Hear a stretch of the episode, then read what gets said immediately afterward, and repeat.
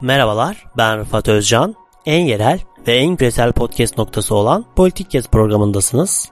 Bu programda ülkemizde ve dünyada meydana gelen gelişmeleri, iletişim, sosyoloji ve siyaset gibi alanlar üzerinden konuklarımla birlikte geniş bir perspektifle ele alıyorum. Haydi başlayalım.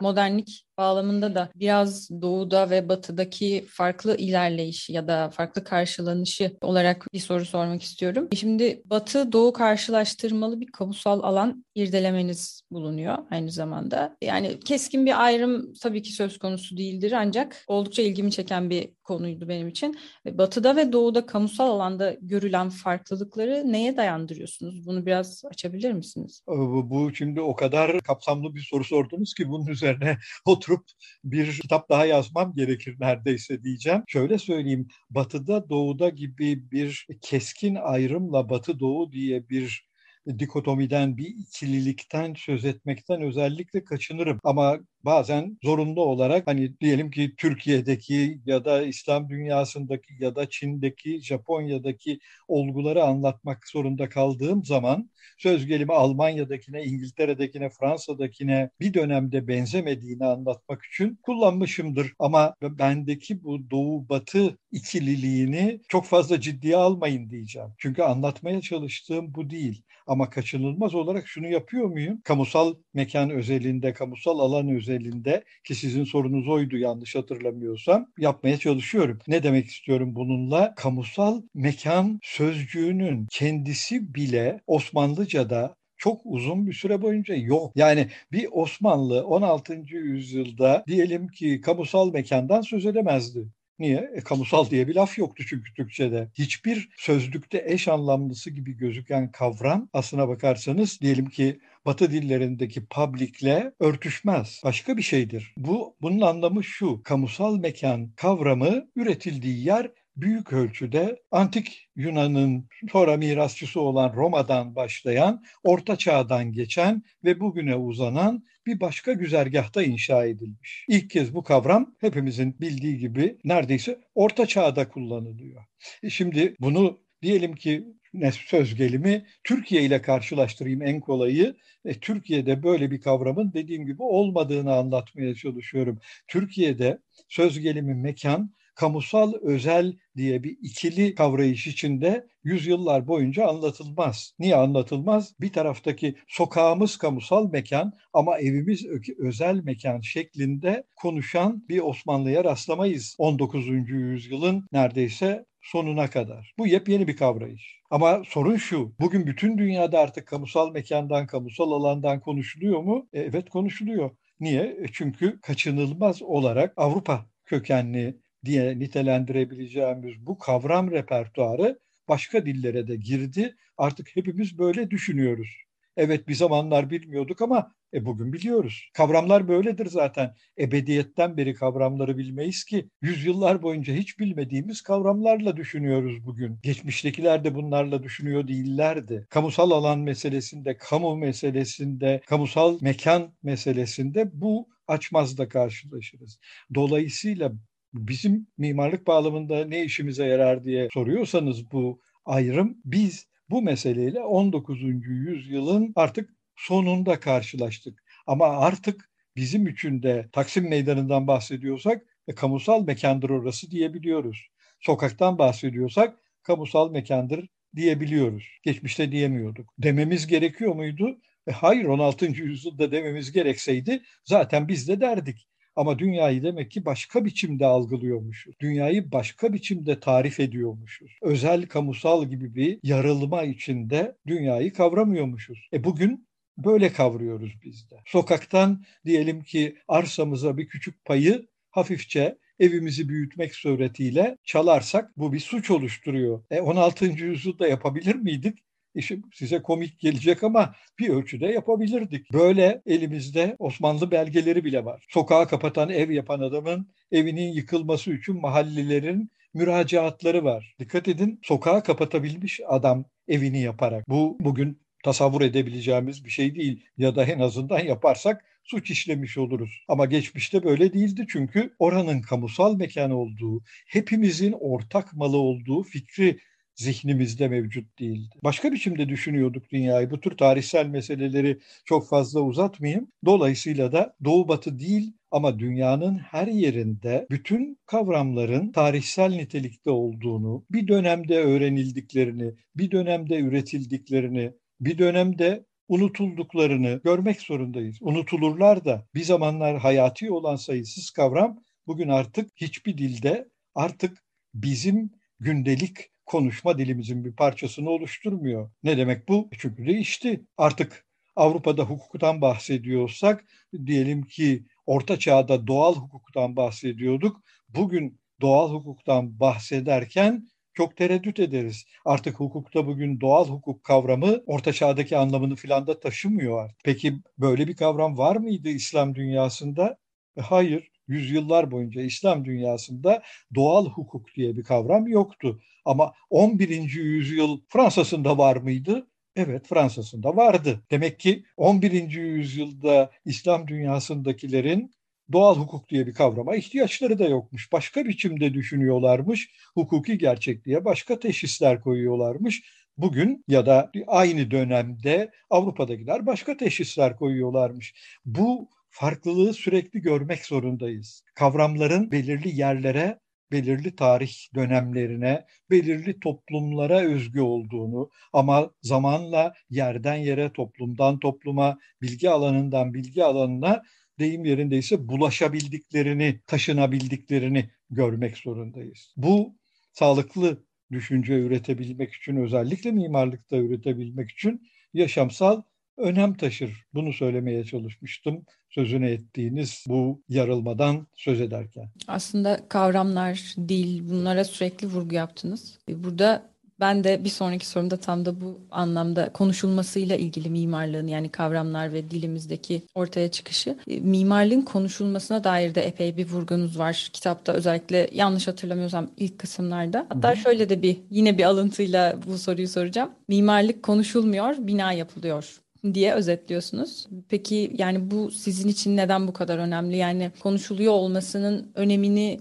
açabilirseniz çok memnun oluruz. Valla şöyle söyleyeyim bu sorunuz çok güzel. Şu nedenle çok güzel çünkü bu mimarlığın neredeyse birkaç on yıldır gerçekten farkına vardığı bir mesele. Şunu söylemeye çalışıyorum. Bir çok önemli bir Amerikalı kuramcının bir lafıyla hatta kitapta da galiba buna bir gönderme de olsa gerek diye hatırlıyorum. Mark Wigley diye bir Amerikalı mimarlık kuramcısının bir lafı var. Mimarlık diyor yapı üretimine ilişkin bir şey değildir. Mimarlık konuşma konuşmaya ilişkin bir şeydir. Mimarlar inşaat yapmazlar, söz üretirler. Şimdi bu bugün mimarlık bağlamında geldiğimiz durumu çok iyi anlatıyor. Burada söylenen şey mimarların artık inşaat yapmadıkları, tasarım yapmadıkları değil. Kuşkusuz böyle bir ne diyelim komik bir iddiada bulunuyor değil Mark Wigley ya da ben. Şunu söylemeye çalışıyoruz. Artık sürekli biçimde mimarlık olguları üzerinde kuramsal üretim yapıyoruz. Yaptığımız binadan daha fazla kuramsal üretim yapıyoruz her önemli mimar neredeyse yaptığı bir ürün üzerine uzun uzun metinler yazıyor.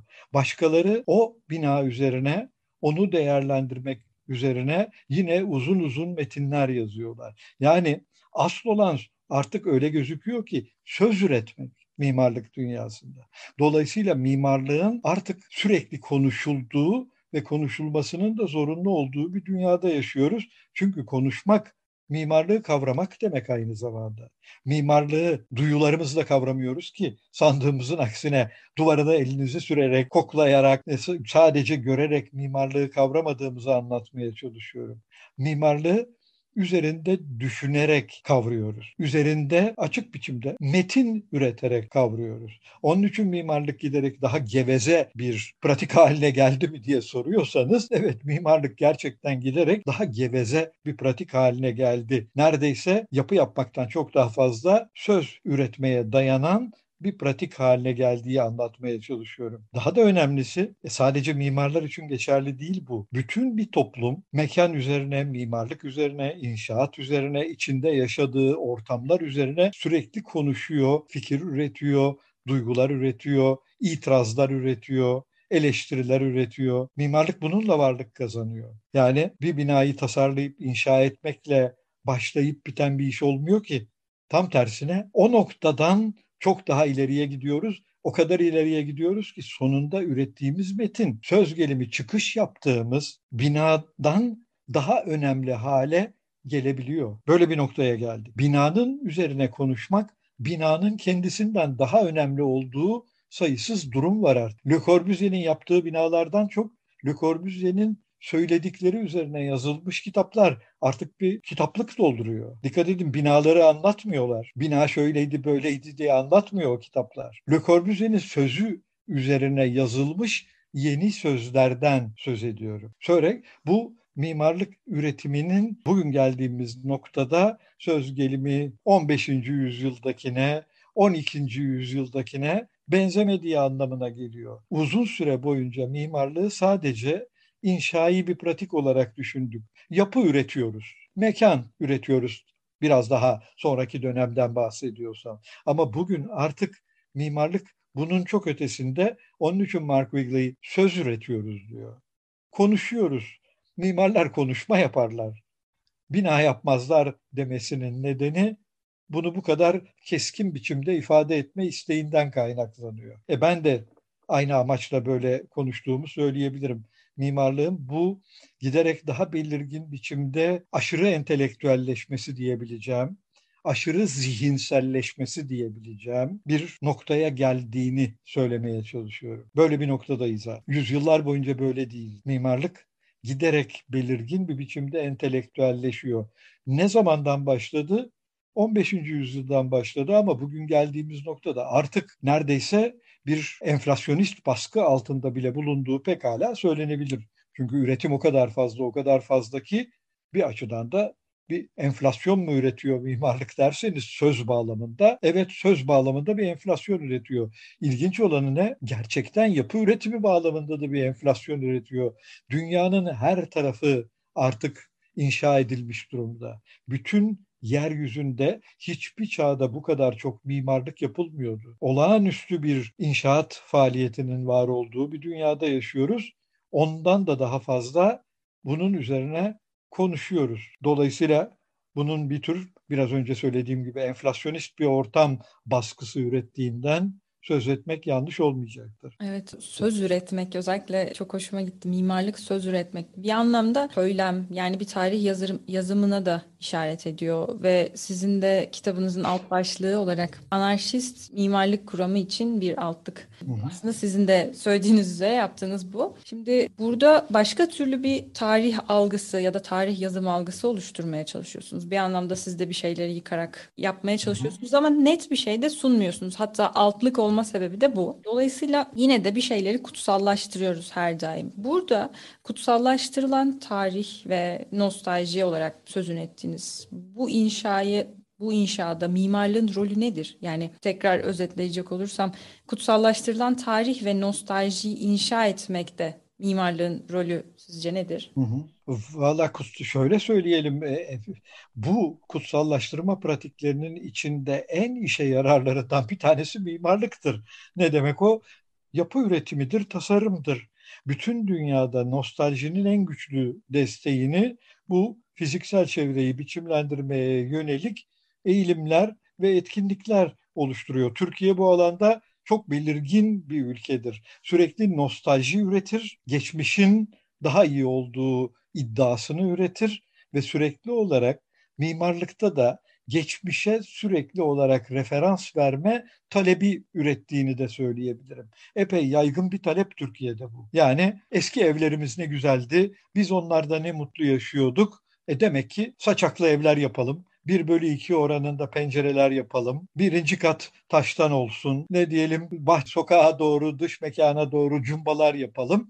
Böylece nostaljik taleplerimizi yerine getirelim. E şimdi bu düpedüz mimarlıkla ortamda mevcut nostaljik talepler arasındaki ilişkiyi yeterince gösteriyor. Böyle bir talebimiz var. Bu problemli bir talep mi? Problemli bir talep. Nostaljinin kendisi bir anlamda problemli. Şundan ötürü problemli. Geçmişi özlüyorsunuz. Sorun şu. yaşamadığınız bir geçmişi özlüyorsunuz. Yaşadığınız bir geçmişi özlemiyorsunuz. Yaşadığınız geçmişi, geçmişi özlerseniz çocukluğunuzun nostaljisiyle konuşursunuz. Ne demek o? Ben çocukken 5 yaşında sokaklarda ne güzel oynardım. Bugün oynayamıyorum. Bu kişisel nostalji ama toplumsal nostalji bu değil. Toplumsal nostalji bir yok zamanı özlüyorsunuz. Çünkü hangi çağı özlediğinizi işaret edemezsiniz. Şöyle işaret ediyorsunuz. Osmanlı döneminde mahallemiz ne güzeldi. E, mahalle diye sabit bir şey var sanıyorsunuz. 18. yüzyılda mahalle başka bir şey. 19. yüzyıl biterken başka bir şey. 16. yüzyılda başka bir şey. Hangisini özlediniz? Hiçbirini ve hepsini. Yok zaman dediğim bu. İçinden tanım yapamazsınız. Sadece Türkiye'deki güncel, bugün son derece yaygın mahalle nostaljisini üretirsiniz. Biliyorsunuz böyle bir mahalle nostaljisi var Türkiye'de sürekli gündemde olan. Ne güzel mahallelerimiz vardı. Mahallede biz ne insanca yaşardık. Ayşe teyze çocuklarımıza bakardı. Ben sokağa çıktığım zaman bütün mahallenin e, kadınları aynı zamanda bana göz kulak olurdu gibi konuşmak şeklinde dışa vurulan insancıl bir toplumsallık özlüyoruz. Türkiye'de ya da çok yaygın biçimde özleniyor. Şimdi bu nostalji ama dediğim gibi aynı nostaljiyi şöyle tahrip edersiniz. 18. yüzyıldan başlayarak, İstanbul'dan başlayarak Osmanlılar mahalleden kaçmak istiyorlar. Mahalle çünkü sadece çocuğunuza göz kulak olan Ayşe teyzelerden oluşmuyor. Size aynı zamanda gündelik yaşamınızı sürekli denetim altında tutan bir disiplin rejimi de empoze ediyor. Evinize kızsanız erkek arkadaşınızı, erkekseniz kız arkadaşınızı davet edip bir akşam yemeği yiyemezdiniz. Niye? Çok basit. Mahalleli kapınıza dayanır ve evinizi basardı. Bu 18. yüzyıl İstanbul folklorunun en eğlenceli konularından biridir. Bunun anlamı nedir diyorsanız sizin mahalle baskısı altında yaşadığınız demektir. Mahalle sadece bir güvenlik ortamı değil ki mahalle aynı zamanda tasavvur edilebilecek en sert denetim ortamlarından bir tanesi. Ama nostalji bu gerçeği görmez. Neyi görür? Bir yok zamanı ve yok ahlakı, yok estetiği görür. Şahane mahallelerimizin estetiği vardı dersiniz. Sorun şu, 19. yüzyıl içinde Osmanlılar sürekli olarak mahallenin ne kadar estetik dışı olduğundan konuşuyorlar. O sokakların ne kadar döküntü olduğundan konuşuyorlar. Mahalleyi özlemiyorlar. Tam tersine o bugün özlenen mekanın ne kadar boğucu, ne kadar sağlıksız olduğundan konuşuyorlar. Zaten başka türlü olsaydı mahalle elimizden çıkar mıydı? Mahalle gerçekten de bu kadar iyi bir şey, bu kadar feda edilmez bir toplumsallık ve mimarlık ortamı olsaydı mahalleyi bırakmazdık ki mahalleden kurtulmak için 200 yıl Osmanlı özneler çalıştılar. 18. yüzyıldan başlayarak çalıştılar. 20. yüzyıl başlarken artık mahalle ciddi biçimde İstanbul'dan başlayarak ortadan kalkmıştı bile. Hüseyin Rahmi Gülpınar'ın romanlarını okursanız o dönemde mahalleye yönelik anlatımın öyle şimdiki nostaljiye uzaktan yakından benzemediğini görürsünüz. Mahalle özlenen bir şey değil. Ama bugün mahalle özleniyor. Niye? Çünkü artık mahalle diye bir şey yok. Mahalle hakkında bir şey de bilmiyorsunuz. Mahalleye ilişkin bildiğiniz her şey şahane bir güvenlik mekanı olduğu, çok güzel, çok pitoresk evlerinin bulunduğu ama demin söylediğim gibi o evlerinden kurtulmak için en azından 150 yıllık bir çaba var Türkiye'de. O yüzden bugün Türkiye'de doğru dürüst bir 17. yüzyıl konutu bulamazsınız. 17. yüzyıl konutu yok Türkiye'de bir tane bile neredeyse. Belki birkaç tane bir yerlerde kalmıştır. İstanbul'da bir tane var. 17. yüzyılın sonundan kalma, 1790'lardan kalma köprülü yalısının divanhanesi Boğaz'da. Bir tane 17. Şimdi bu kadar belirgin bir biçimde bugün nostaljiye konu oluşturan mimarlık ortadan kalkmışsa bu herhangi bir baskıyla değil. Toplumun başka bir mimarlık istemeye, başka bir yaşama biçimi istemeye, mahalle dışında başka bir özgürleşme imkanı istemesinden kaynaklanıyor. Ama sorun şu, bugün biz o insanların kaygılarını unutuyoruz ve bilmediğimiz, hiçbir zaman var olmamış bir cennet mahalleyi özlüyoruz. E şimdi böyle bir özleminiz varsa mimarlıkta da bunu yaparsınız. TOKİ bunu yapmaya çalışıyor söz gelimi pek çok projesinde. Eski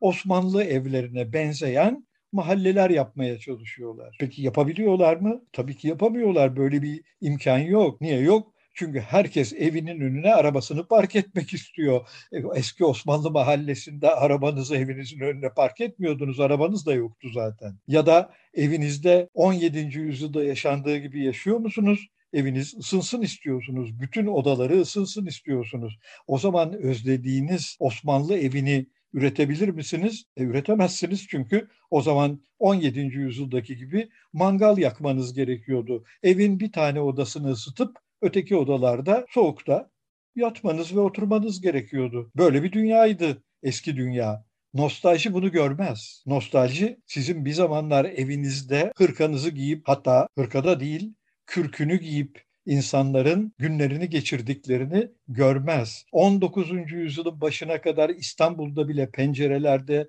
cam olmadığını görmez. Hava bozduğu zaman pencerenizin tahta kapaklarını kapatıyorsunuz ve karanlıkta oturuyorsunuz. Çünkü pencere camı mevcut değil. Pencere camı Türkiye'de en erken 18. yüzyılın sonunda en üst gelir grubundan insanların evine girecek. En üst gelir grubundan, en yüksek statüden evlerde pencere camı olacak.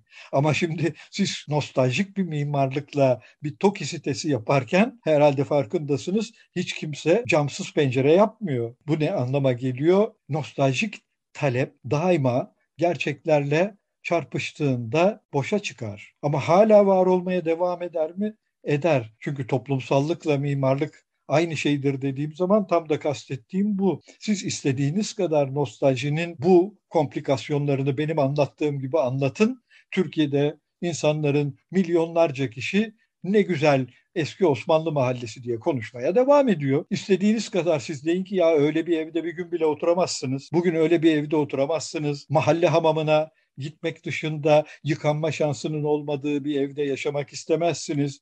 Tuvaletin bahçede olduğu bir evi istiyor musunuz? E istemiyorsunuz tabii ki. Tuvaletiniz evinizin içinde olsun istiyorsunuz ama yüzyıllar boyunca tuvaletler avluda duruyordu. Böyle bir dünya. Demek ki nostaljik bir mimarlık talebiyle nostaljik bir toplumsallık ilginç bir biçimde çelişirler, kavgalıdırlar. Ama zaten fiziksel çevre böyle kavgalarla varlık kazanır mutlak bir uyumda varlık kazanmaz. Yani reel taleplerinize reel cevaplar vererek mimarlık yapılmıyor. Bir tarafta olmadık bir şeyi talep edersiniz. O talebi o olmadık, hiçbir şekilde gerçekliği olmayan o talebinize uygun bir mimarlıkta pekala ortamda var olabilir. Türkiye'de büyük ölçüde olan ya da ortamdaki taleple birlikte ortaya çıkan durum budur. Nostaljinin bu neredeyse gülünç ama bana sorarsanız acıklı durumuna işaret etmek istiyorum bu sözlerle. Hocam çok teşekkürler bu soruya verdiğiniz detaylı cevap için de. İlayda'ya da detaylı soruları için teşekkür ediyorum. Ben de bu konuştuğumuz çerçevede şöyle son bir soru sormak istiyorum size. Ha, Türkiye'de Atatürk Kültür Merkezi AKM diye bir fenomen var. Yıllardır konuşuluyor AK Parti döneminde. Türkiye'de burada ilginç olan burada hem bir devamlılık var hem de kitabın başına uygun olarak da yıkılarak yapılan bir mekan var. Siz AKM'deki bu durumu nasıl değerlendiriyorsunuz? Hemen söyleyeyim bu çok kolay cevap verebileceğim bir soru. E, çok yanlış olarak değerlendiriyorum. Bu şu demek. Orada duran bir binayı o bina artık eskidi, işini görmüyor diyerek yıkıp onun yerine ona benzeyen bir bina yaptığınız zaman hiçbir şeyi korumuş olmazsınız. Sadece yıkıyorsunuz. Dikkat edin orada yapılan şey geçmişe ilişkin bir süreklilik falan değil. Süreklilik şu demektir. Dünyanın pek çok yerinde opera binaları var. 18. yüzyıldan kalma opera binaları dünyanın pek çok yerinde kullanılıyor. Peki onlar eskimiyorlar mı? E, eskiyorlar. Peki ne yapıyorlar? Yeni donatıları ekliyorlar. Eski biçimindeki elemanlarıyla kullanmayı deniyorlar. Dolayısıyla yıkıp da yeni bir Paris operası yapalım diyen birine ben hiç rastlamadım. Paris Operası 1860'lardan yanlış hatırlamıyorsam yapılmış bir binadır. Eskidi mi? E tabii ki eskidi 1860'ta yapılmış teknik donatıları hala geçerli olabilir mi Paris Operası'nın? Yenilenmesi gerekti. Ama dikkat edin Paris Operası orada duruyor. Oturup yıkıp yerine daha iyisini yaparız diyen bir kimseye ben hiç rastlamadım. Böyle bir talep olsaydı gülünürdü. Niye yenisini yapıyoruz? Eskisinin başka bir anlamı var çünkü. Eskisi diyelim ki 1860'taki Fransa'yı anlatıyor. Buradaki örnekte Atatürk Kültür Merkezi 1930'lardan başlayan ve 1970'lere uzanan bir Türkiye'yi, mimarlığını bize anlatıyordu. Tarihsel miydi? Tabii ki tarihseldi. 1930 ile 1973 arasında çünkü 73'te bildiğim kadarıyla açıldı. Daha sonra bir daha yanıp yapıldı. Dikkat edin yaklaşık 50 yıllık bir aralıktan söz ediyorum. 50 yıllık Türkiye mimarlığının bir tür özeti ve kanıtı gibiydi. Şimdi siz onu yok ettiğiniz zaman oraya benzer suratı olan ama hormonlanmış bir bina yerleştirirseniz bir problem üretiyorsunuz. Birincisi tarihsel olan bir varlığı yok ettiniz. Artık elinizde Türkiye'nin en karmaşık binası olmuş o dönemde teknik açıdan yani 1930-75 arası diyeyim kar, en karmaşık teknik donatıya sahip binasını ve onun bütün tarihsel varlığını yok yere tahrip etti. Şimdi tahrip ettikten sonra ama bakın benim yaptığım ön cephe buna benziyor dediğiniz zaman bu bir şaka. Hele hele kalkıp da ben onu Tabanlıoğlu diye bir mimar yapmıştı. Onun oğluna verdim. O yapmaya devam ediyor diyorsanız bu şakadan da daha kötü. Böyle bir şey söz konusu değil. O bina çünkü artık Tabanlıoğlu ailesinin binası değildi. O bina bütün bir toplumun malıydı. Türkiye tarihinin parçasıydı. Aynı mimara bir daha yaptırsanız bile olmaz. Kaldı ki şaka gibi ben oğluna yaptırıyorum diyorsanız o artık bence gülünçten öte bir duruma işaret. Dolayısıyla AKM çok mu problemli bir yıkım ve yapım öyküsü? Evet çok çok problemli bir yıkım ve yapım öyküsü.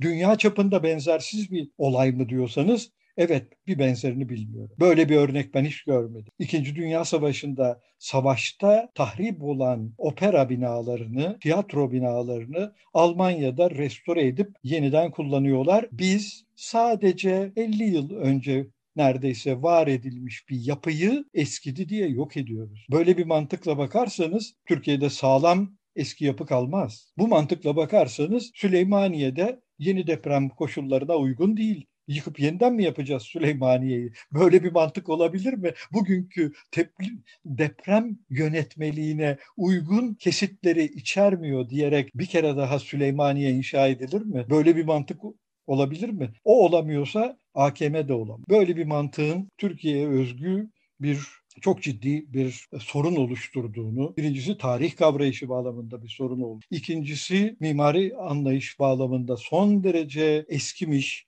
eskimiş bile değil çünkü hiçbir çağda hiçbir yerde böyle bir yaklaşım söz konusu değildi. Epey eleştirilmesi gereken gelecek kuşaklarında zaten altından girip üstünden çıkacağı bir ürün olduğunu söylemeye çalışıyorum. Hocam çok teşekkür ederim. Bizim sorularımız burada bitti. Sizin son olarak eklemek istedikleriniz varsa onları dinleyebiliriz. Yo ben sizi sormadıktan sonra ben kendi kendime burada size ne diyeyim korsan bildiri vermeyeyim. Tamamdır hocam. Çok çok teşekkür ediyorum detaylı soru e, cevaplarınız için. E, burada 9 tane soru sorduk.